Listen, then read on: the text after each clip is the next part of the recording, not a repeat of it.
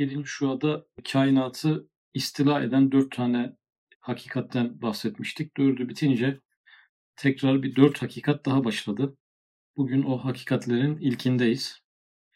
Birincisi kibriya ve azamet hakikatidir.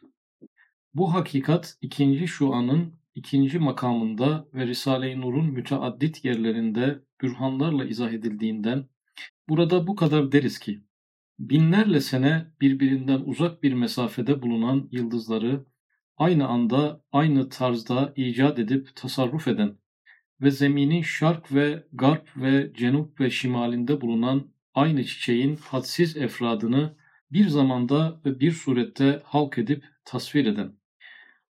Bu bir sıfat yani bir niteleme var, uzun bir niteleme. Cenab-ı Hakk'ın ortak fiillerini, kainattaki fiillerin ortaklığını, aynılığını vurgulayan uzun bir paragraf e, var. Daha yarısındayız. Belki birkaç paragraf da yine aynı şeyi anlatacak. Buradan tekrar bir bence başlayalım. Kibriya ve azamet hakikatidir. E, azamet büyüklük demek. Azim, büyük. E, ululuk demek, yücelik demek. Kibriya da kendini üstün tutma. Biz kibir derken kendini beğenme diye anlıyoruz. Bunu da olumsuz bir ahlak olarak nitelendiriyoruz. Cenab-ı Hakk'ın ise kibriya diye bir vasfı var ve olumsuz değil. İnsanınki olumsuz çünkü insan kibirlendiği şeylerin sahibi değil, hakiki sahibi değil. Cenab-ı Hakk'ın kibriyası hakiki bir e, vasıftan kaynaklandığı için bir hakkı yerine teslim etmek oluyor. İnsanda bir günah ama e, konu Cenab-ı Hakk'a gelince hakkı teslim etmek oluyor. Kibriya ve azamet, Cenab-ı Hakk'ın büyüklüğü, ululuğu ve o büyüklük ve ululuğuyla övünmesi ve kendini üstün tutması. Kibriya ve azamet hakikati yani biz hiçbir şey görmeseydik, her şey küçük olsaydı, bütün kainat dünyayla sınırlı olsaydı belki bir dünyanın büyüklüğünden bahsedemeyeceğimiz gibi büyüklük kavramı karşısında da çok yetersiz kalacaktık, algılayamayacaktık ama Cenab-ı Hak dünyadan büyük bir güneş sistemi yaratmış, ondan üstün burçlar yaratmış, uzayı ondan da büyük yaratmış. Artık ondan sonra da bizim algılayamayacağımız büyüklükler yaratmış. Bu mertebeli büyüklüklerden aslında biz Cenab-ı Hakk'ın azametine doğru gidiyoruz. E, çünkü insan idrakini bazı büyüklükler aşınca onlara artık büyüklük denmez. Onlara azamet denilir. Cenab-ı Hak bu azamet duygusunu bize tattırıyor. Büyük bir dağın yanından geçerken de tattırıyor. Kendi küçüklüğümüzü, Ağrı Dağı'nın büyüklüğünü hissedince bir e, azamet duygusu içimizi kaplıyor. Ama güneş sistemi içerisindeki dünyanın konumunu düşününce bu azamet kavramı daha bir genişlemiş oluyor. Ama kainatın büyüklüğünü geçiyorum. Cenab-ı Hakk'ın azameti artık fiziksel bir büyüklükle ifade edilmeyen insanının idrak sınırlarını da aşan bir büyüklük söz konusu olunca biz buna azamet diyoruz ve bu azametten de Cenab-ı Hakk'ın e, kendine münezzeh bir memnuniyet, kendini üstün tutma, e, haklı olarak üstün tutma. Bu hakikat yani kibriya ve azamet hakikati kainatı yine istila eden, bu sefer aşan, istila edenler ilk dört hakikatteydi. Bu dört hakikatte kainatı istila etmekle kalmıyor, e, kainatı kuşatmış da, ihata etmiş de oluyor. Bu hakikat ikinci şuanın ikinci makamında ve Risale-i Nur'un müteaddit yerlerinde bürhanlarla izah edildiğinden burada bu kadar deriz ki binlerle sene birbirlerinden uzak bir mesafede bulunan yıldızları aynı anda aynı tarzda icat edip tasarruf eden ve zeminin şark ve garp ve cenup ve şimalinde bulunan aynı çiçeğin hadsiz efradını bir zamanda ve bir surette halk edip tasvir eden bize burada iki şey düşündürtüyor. Öncelikle yıldızları düşündürtüyor. Sonra da çiçekleri düşündürtüyor. Zaten başka yerlerde üstadımız edebi bir sanatla da bunları beraber yani yıldızın göğü süslediğini, çiçeğin de yeryüzünü süslediğini ifade etmişti başka bir yerde. Şimdi yıldızların birbirlerinden uzak olmalarına rağmen aynı şekilde yaratılmaları, aynı kanunlarla yönetiliyor olmaları ve birbirlerinden ışık yılıyla bile bahsetsek binlerce, yüz binlerce yıl uzakta olmalarına rağmen bu kanunlarda bir zayıflama olmaması. Şimdi merkezi bir kanun olsa kainatın bir merkezinde mesafe uzadıkça 100 bin ışık yılı, 200 bin ışık yılı ileriye gittikçe e, ortak kanunlarda bir zayıflama, bir deformasyon başlaması lazım. Fakat bu deformasyon olmuyor. Kanunlarda bir zayıflama olmuyor. Güneş sistemindeki mesela dönme hareketi nasıl bir hareketse binlerce ışık yılı ileriye gittiğimiz zamanki dönme hareketinin de aynı olduğunu görüyoruz. Orada bir ortak kanunda zayıflama olmadığını görüyoruz. Dolayısıyla kainatın kendi içinde bir merkezden yönetilmediğini e, anlıyoruz. Dışarıdan bir merkez, kainatla alakalı olmayan bir merkez e, olduğunu buradan anlıyoruz. E, çiçeklere geldiği zaman da şark ve garp ve cenup ve şimal. Burada yeryüzünü düşünelim. Yani kuzeyde, güneyde, doğuda ve batıda aynı tür bir çiçeği düşünelim. Papatyayı düşünelim. Asya kıtasındaki bir papatya, Antarktika kıtasındaki bir papatya, Afrika'daki bir papatya. E, papatya papatyadır. Ortak kanunlarının olduğunu görüyoruz. Ortak renklerinin, ortak desenlerinin, şekillerinde bir ortaklık olduğunu görüyoruz. Burada da eğer ki dünyanın her tarafını tek bir varlık yönetmiyor olsaydı buralarda da bazı deformasyonlar olurdu. Çünkü bu çiçekler arasında bazen denizler giriyor. İrtibatların tamamen kesilmesi söz konusu oluyor. Burada da yine o çiçeğin Rabbi sıfatıyla bir birlik, bir teklik görüyoruz. Burada tasvir kelimesi bir zamanda bir surette halk edip tasvir eden, tasvir şekil vermek aslında. Fethi suver hakikati diye başka yerlerde açıklıyordu. Türkçedeki tasvirle bu manada e, tam ortak olarak tutmuyor. Yani şekil veren. Şimdi papatyaya bir şekil veriliyor. Başka kıtadaki papatya ile aynı şekil veriliyor. Bir de burada aynı şekilden ziyade bir zamanda diyor. Yani bir zamanda derken aynı anda. Şimdi aynı anda bir papatya burada da bir başka yerde de yeşeriyor. Aynı anda oluyor. Arada bir sıralama farkı olsa yani bir bekleme olsa bir papatya mutlaka bir başka papatyadan sonra e, hayata erişiyor gibi bir durum olsa buraya farklı eller mi karışıyor acaba gibi bir şey düşünülebilir. Fakat aynı el olduğu, aynı kudret eli olduğu şuradan anlaşılıyor. Eş zamanlı, eş e, anlı olması. E, bu yine fiilin failinin tekliğiyle e, burada ifade ediliyor. Sadece çiçekleri düşünmeyin. Burada tabii bütün e, bitkileri, bütün hayvanları, bütün canlıların ortak kanunlarına yine e, konu götürülebilir. Hem huvellezî halakas semâvâti vel arda fi sitteti eyyâm. Gökleri ve yeri altı günde yaratan odur. Burada bir Hud suresinde 7. ayet geçmiş oldu. Yani gökleri ve zemini altı günde yaratmak gibi geçmiş ve gaybi ve çok acip bir hadiseyi hazır ve göz önünde bir hadise ile ispat etmek. Yine burada cümleyi durduralım. Gökleri ve zemini altı günde yarattığını Rabbimiz bize Kur'an-ı Kerim'de bildirdi. Biz bunu evreler olarak dünya günü gibi değil de altı evrede yarattı şeklinde algılıyoruz. Burada üç tane sıfat koymuş buna altı günde yaratmaya. Geçmiş, gaybi ve çok acip. Yani altı günde Cenab-ı Hak kainatı yaratmış. Biz yokken bu olmuş. Demek ki bizim için geçmiş. Hadise geçmiş yani. Geçmişte olan bir şey. Altı evrede kainat yaratılmış. Ve gaybi. Gaybi derken biz buna şahit olmamışız. Ve çok acip bir hadiseyi. Gerçekten e, insan aklının e, zorlayan bir hadise. Hiçbir şey yokken aniden kainatın bu hale gelmiş olması acip bir hadise. Üç tane sıfat ekledi. Bir hadiseyi hazır ve göz önünde bir hadiseyle ispat etmek.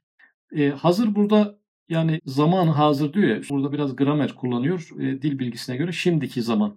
Zaten ilk üç sıfatta bir geçmiş sıfatı vardı. Burada e, hazır kelimesiyle şimdiki zaman. Geçmiş değil de şimdi ve göz önünde gaybi kelimesine de e, simetrik olarak göz önünde kullanılıyor. Göz önünde bir hadiseyle ispat etmek. Şimdi burada 6 günde kainatın yaratılmasını da biz yoktuk. Geçmişti, bizim için gaybiydi ve acayip bir hadiseydi. Biz bunu peki nasıl anlayacağız? Hazır ve göz önünde bir hadiseyle ispat ediyor. Nedir o hadise? Günün altı dilimi.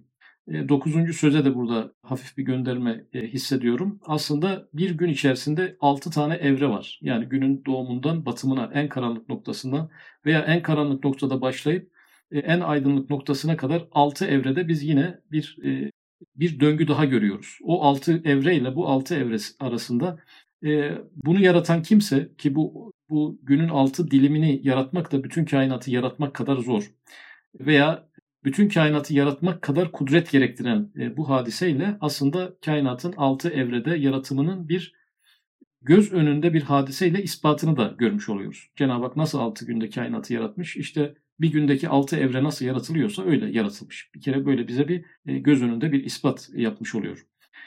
Ve onun gibi acip bir tanzir olarak zeminin yüzünde bahar mevsiminde haşr-ı azamın yüz binden ziyade misallerini gösterir gibi 200 binden ziyade nebatat taifelerini ve hayvanat kabilelerini 5-6 haftada inşa edip kemal intizam ve mizan ile iltibassız, noksansız, yanlışsız, beraber birbiri içinde idare, terbiye, iaşe, temyiz ve tezyin eden.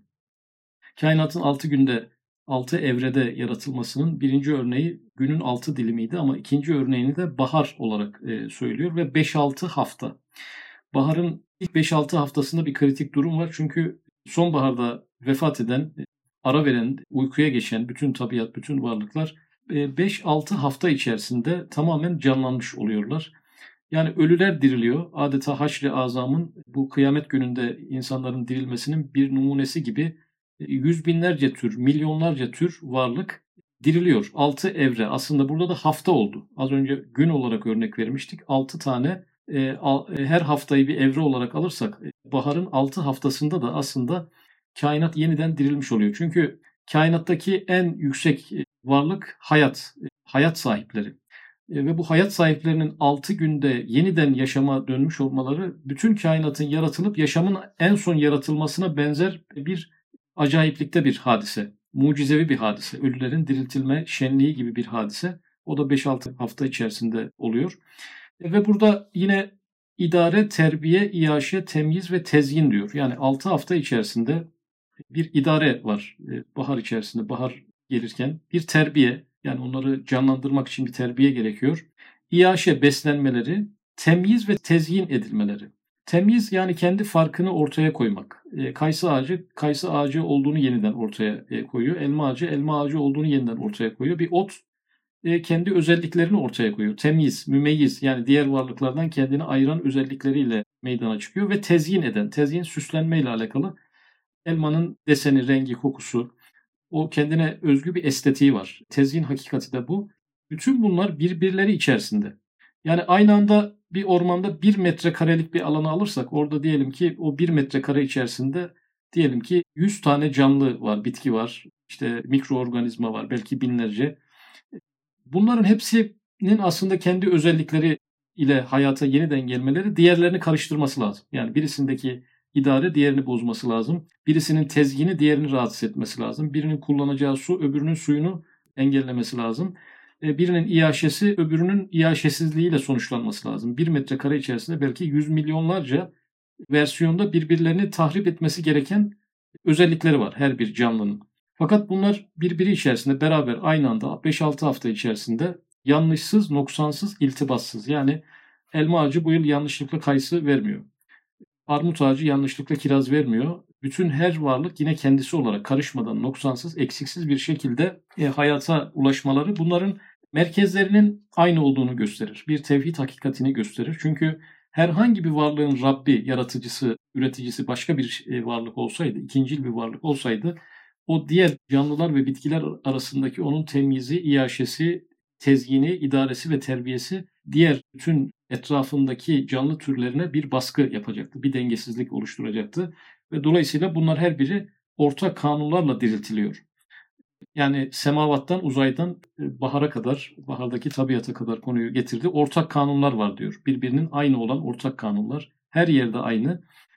Her, her biri birbirinin özelliklerini taşıyan, aynı anda olan, aynı anda bir şeylerin olması bu da yine aynı zatın bu yaratımlarda bulunduğunu gösteriyor. Hem yulicul leyle fin nehari ve yulicun nehara fil leyl. Geceyi gündüze katar, gündüzü geceye katar ayetinin sarahati ile zemini döndürüp gece gündüz sayfelerini yapan ve çeviren ve yevmiye hadisatıyla yazan, değiştiren aynı zat aynı anda en gizli, en cüz'i olan kalplerin hatıratlarını dahi bilir ve iradesiyle idare eder.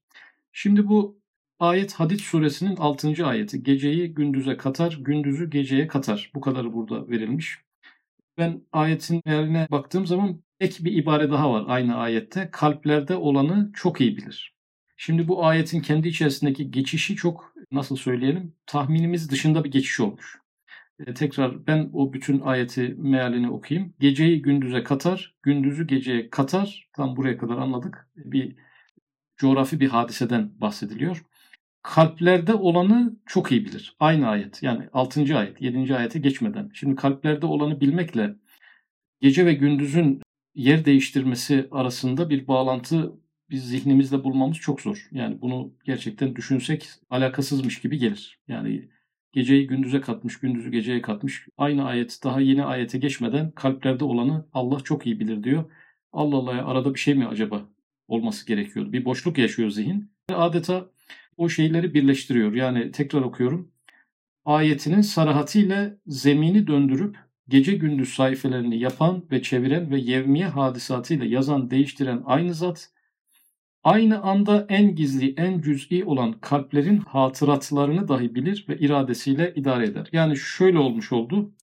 Yani Cenab-ı Hak geceyi gündüzü ayarlıyor da gece ve gündüz evrende, dünyada yaşanacak bütün hadiseleri yaratıyor da bütün evrenin bir sonucu olarak geceyi ve gündüzü yaratıyor da insanın kalbindeki kalbindeki hatıratını, oradan geçen arzuları, istekleri onları mı Allah yönetmiyor? Onları da Allah yönetiyor. Yani kim geceyi gündüze katıyorsa insanın kalbindeki hatıratları, en cüz'i istekleri, düşünceleri de Allah bilir ve şöyle bir ek ifadeyle iradesiyle idare eder. Şimdi dünyayı nasıl idare ediyorsa Cenab-ı Hakk'ın iradesi, ilahi irade, ilahi irade kainatı nasıl idare ediyorsa aynı ilahi irade insanın kalbini de idare ediyor. Şimdi e, kalbimiz de dünyanın idare edilişi gibi idare ediliyor. Veya dünyanın idaresini bırakmayan, evrenin idaresini kimseye bırakmayan bizzat bizim kalbimizin idaresini mi bize bırakacak? Şey, muhteşem bir geçiş yaptı yani bu iki e, alakasız gördüğümüz e, ayetin iki parçası arasında. Dolayısıyla biz bir şeye niyetleniyoruz, bir şey istiyoruz, bir şeyden korkuyoruz, ürküyoruz. Kalbimizde cereyan eden şeyler bunlar bizim kendi fikirlerimiz gibi, kendi idaremiz gibi düşünüyoruz. Halbuki hadiste de geçtiği gibi insanın kalbi Allah'ın iki parmağı arasındadır. Onu dilediği gibi çevirir. Allahumme ya, ya mukallibel kulub sabbit kalbi ala dinik. Efendimiz Aleyhisselatü Vesselam'ın çok sıkça okuduğu bir dua. Ey kalpleri evirip çeviren Allah'ım kalbimi dinin üzere sabit eyle. Şimdi biz kalp derken tabii düşünce dünyamız, psikolojimiz, niyetlerimiz, arzularımız hepsi bunun içerisine girer. Burada onun da ilahi iradeyle idare edildiğini, en az dünyanın ilahi iradeyle idare edildiği kadar, en az mevsimlerin gece gündüzün e, nasıl ilahi idareden bağımsız olması mümkün değilse, kişinin kendi e, kalbinin hatıratının da ilahi iradeden bağımsız olması mümkün değil. Dolayısıyla biz bir tercih yaparsak o aslında ilahi bir tercihtir de. Yanlış bir tercih yaparken de ilahi tercihin haricine biz çıkamayız. Mesul oluruz ayrı bir şey. Kader, Kader Risalesi'nde ifade edildiği gibi. Yani bir dağın tepesine bir çocuğun babasına beni çıkar demesi gibi. Çıkaran gene ilahi iradedir. Fakat mesuliyet insana ait. Yine Maturidi ve Eşari kader telakkisi içerisinde Eşari yaklaşımını yine görüyoruz. Yani niyetlerimizin de Allah'a ait olduğunu, onların da ilahi irade haricinde olmadığını düşünen eşari kader telakkisinin burada bir izini görüyoruz ve bunu da bağlarken gece ve gündüzün oluşması ile e, arasında bir e, bağlantı kuruyor ve aynı anda oluyor bu. Yani dünyayı yönetirken insanı yönetmeyi unutmuyor dünya ve mevsimler ve gece gündüz üzerinde tercihler yaparken insanın kendi kalbi üzerinde tercihler yapmayı sıralamaya koymuyor. İkisi de aynı anda oluyor. İkisi de aynı şey aslında farklı şeyler değil. Ve meskür fiillerin her biri bir tek fiil olduğundan Şimdi meskür fiiller sayılan fiiller neydi? İdare, iaşe, terbiye, tezgin ve temiz. Bu fiillerin her biri aslında tek bir fiil olduğundan zaruri olarak onların faili dahi bir tek vahid ve kadir olan faili zülcelallerinin bedahetle öyle bir kibriya ve azameti var ki hiçbir yerde, hiçbir şeyde, hiçbir cihetle, hiçbir şirkin hiçbir imkanını, hiçbir ihtimalini bırakmıyor, köküyle kesiyor. Şimdi bu fiillerin yani idare fiili, iaşe fiili yani iaşe beslenme her yerde aynı. Yani beslenmeyi düşünelim en küçük canlılardan, en küçük bitkilerden hayvanlara kadar bizim kendi beslenmemize varıncaya kadar ortak bir durum söz konusu. Beni besleyen kimse diğer varlıkları besleyen de odur. Kainatı besleyen de odur. Şimdi bu kanunun ortaklığı tevhide bizi zaten götürüyor. Bütün fiillere gözle bakabiliriz. Mesela göz yani gözümüz görüyor. Yani gözümüzle görüyoruz. Ama hayvanlar da gözleriyle görüyor. E, Allah kime göz vermişse o gözle görülüyor. Şimdi görme fiilini yaratan zatın tek bir zat olduğu ortaya çıkıyor. Çünkü görmeyi gözle yapmış. Şimdi kulaklarıyla, ayaklarıyla, başka bedeninin başka bölümleriyle gören istisnai varlıklar da Cenab-ı Hak yaratabilir. O yeknesaklık oluşmasın. Bir kanun kırılmaz bir kanun gibi zannedilmesin diye Cenab-ı Hak kendi kanununda da istisnalar verir. Ama genel olarak görüntüyü gözle göstermesi, göz üzerinde, gözlerin de birbirine benzemesi. Yani hemen hemen hep her varlığın gözünde ortak bir benzerlik de dışarıdan bakınca bile bulabiliriz. Yani yuvarlak içinde bir göz bebeği olan genel olarak bakıyoruz. Demek ki benim gözümü kim yarattıysa bir as, arslanın gözünü de o zat yaratmış diyebiliriz. İşitmeyi aynı zatın yaptığını görebiliriz. Genel olarak kulakla işitiyor diğer varlıklar. Şimdi bu ortak kanunlar bize bir şey söylüyor. Mesela evrende geometrik cisimler gözüyle baktığımızda mesela üçgen, dörtgen böyle düz çizgilerden oluşan bir varlık bulamıyoruz. Yani her şey oval, her şey dairesel, her şey küresel. Biz bugün insan üretimi, sanayi üretimi olarak belki düz şeyler görebiliriz. Fakat onları biraz detayına inersek, onun atomlarına inersek orada da yine bir yuvarlaklık göreceğiz. Yuvarlak olmayan hiçbir şey yok. Her şey yuvarlak yaratmış o kadar sayısı artık sayılamayan, milyarlarla ifade edilen yıldızlar, gezegenler arasında bir tane üçgen, bir tane kare, bir tane dörtgen, bir gezegen, bir yıldız, bir gök cismi halen bulunamadı. Biz buradan çok rahatlıkla diyebiliriz ki bütün kainatı yaratan dairesel yaratıyor. Bu onun bir vasfı. E, bir gök cismi yarattığı zaman onu e, küresel olarak e, yaratıyor, küre şeklinde yaratıyor. Bu ortaklığı görmek lazım. Bunlar da bütün kainatın aynı elden çıktığını gösteren kanunlar. Her şey dönüyor mesela yerinde duran, dönmeyen bir şey olsa mesela atom atomda da bir dönüş var atomun içerisinde. Güneş sisteminde de bir dönüş var. Galaksiler de kendi içerisinde halen dönüyorlar. Dolayısıyla e, bu e, ortaklıklar bize e, tek bir ilahın tek bir e, e, kanunu, tek bir yaratımı olduğunu rahatlıkla gösteriyor. Evet diyor ki hiçbir yerde, hiçbir şeyde, hiçbir cihetle, hiçbir şirkin hiçbir imkanını, hiçbir ihtimalini bırakmıyor, köküyle kesiyor. Hiçbir şirk diyor. Mesela şirk türleri var demek ki. Risalelerde bahsedilen esbab perestlik şirki. Yani şu şundan dolayı oldu, bu bundan dolayı oldu. Başımıza şu şu yüzden geldi gibi sebeplerle ilişkilendirmemiz esbab perestlik şirki.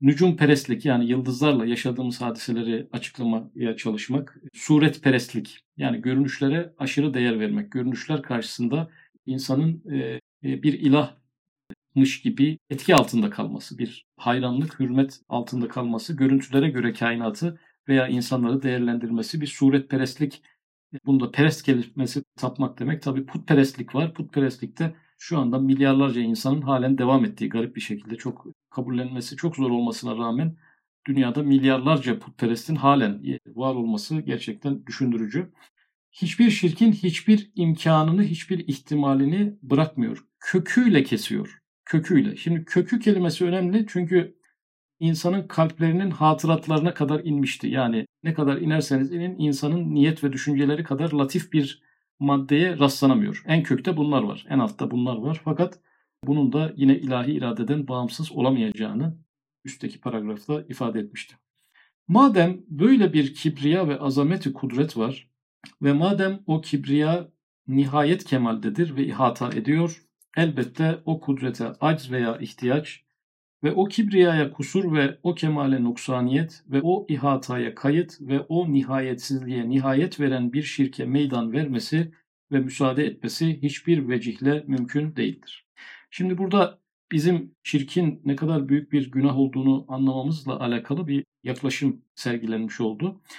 Demek ki şirk ilahi kudrete bir aciz eklemek olmuş oluyor. İlahi mutlak kudreti ihtiyaç sahibiymiş gibi, yardımcılara ve destekçilere ihtiyaç sahibiymiş gibi bir pozisyona getirmek oluyor.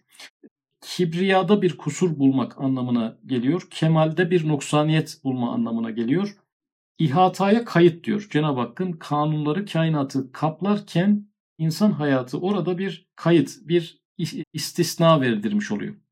Yani mesela iaşe fiili bütün kainatta engelsiz bir şekilde her yerde varken insan birisine ben yedirdim içirdim dediği anda e, o bütün kainatı kaplayan kanunda bir kısa devre, bir istisna, bir kayıt. Onun önünde tek engel olarak o bölümde bir engel çıkarmış oluyor. Yani bir şey bütün kainatı kaplarken bir tek o kişinin hayatının e, kaplamamış oluyor. O kişinin o sözünü kaplamamış oluyor. Burada bir sadece bir gafletten söylenen bir sözden ziyade bütün kainatta geçerli olan bir kanuna dur demek. İlahi bir kanuna dur. Buradan ötesi bana ait demek anlamına geliyor. Ve o nihayetsizliğe nihayet veren yani sınırsızlık ilk defa bir sınırla karşılaşıyor. E, Karun bu hazineler bana ait ben bunları kendi ilmimle kazandım demesi e, aslında bütün nihayetsiz ilahi fiillere o anda bir hudut çekmek. Yani bütün ilahi fiiller her yerde cereyan ederken Karun'un hazineleri noktasında bir kayda uğramış oluyor. Hakikatte uğramamış oluyor ama Karunca uğramış oluyor. Kendi dünyasında bu e, uğramış oluyor. Dolayısıyla insan kendiyle övündüğünde, kibirlendiğinde, bir şeylere sahip olduğunu düşündüğünde, bir şeyleri temellük ettiğinde, buralarda ilahi muhit, bütün kainatı kaplayan kanunlarda bir kısa devreye sebebiyet veriyor. Hakikatte vermiyor, o ayrı. Yani hiçbir müşrik, hiçbir ilahi fiilin küçük bir yerde bile kirlenmesine sebebiyet veremez. Fakat kendisi buna teşebbüs etmiş olur. E, bu teşebbüsten dolayı da çok büyük bir günaha girmiş olur. Fıtratını bozmayan hiçbir akıl kabul etmez. Demek ki fıtri akıllar, bütün kainattaki bu dengeleri gözeten akıllar, aklı başında olan bir insan e, bunu ben ürettim, bunu ben yaptım, bunu ben yarattım, bu bana ait diyemez. Biraz düşünse yani aklı salim olan bir, birisi biraz düşünse o benim dediği şeyin de aslında kendisine hiç ait olmadığını, kendisinin de kendisine ait olmadığını, kendi elinin, ayağının kaşının gözünün de kendisine ait olmadığını yani fıtri düşünen akıllar. E, bir düşünsek ya ben bu kaşlarımın insan bir şey üretirken önce grafiğini çizer yani. Şu şek şeklini çizer, özelliklerini oraya yükler. Onlardan hiçbir katkısının olmadığını hatırlar. Kendi beynini bile kendinin yapmadığını bilir. Beynindeki düşünceleri de kendisinin birbirini birleştiremeyeceğini bilir. Dolayısıyla kendi beynini ve aklını sahiplenemeyen birisi zaten yaptığı şeyleri de bir noktada sahibi olarak kendisini görmez. Fıtri akıllar demek ki şirki zaten e, kabul e, edemezler. İşte şirk kibriyaya dokunması ve celalin izzetine dokundurması ve azametine ilişmesi cihetiyle öyle bir cinayettir ki hiç kabili af olmadığını Kur'an-ı Mucizül Beyan azim tehdit ile İnna Allah la yaghfiru en yushrike bihi ve yaghfiru ma dune zalik ferman ediyor.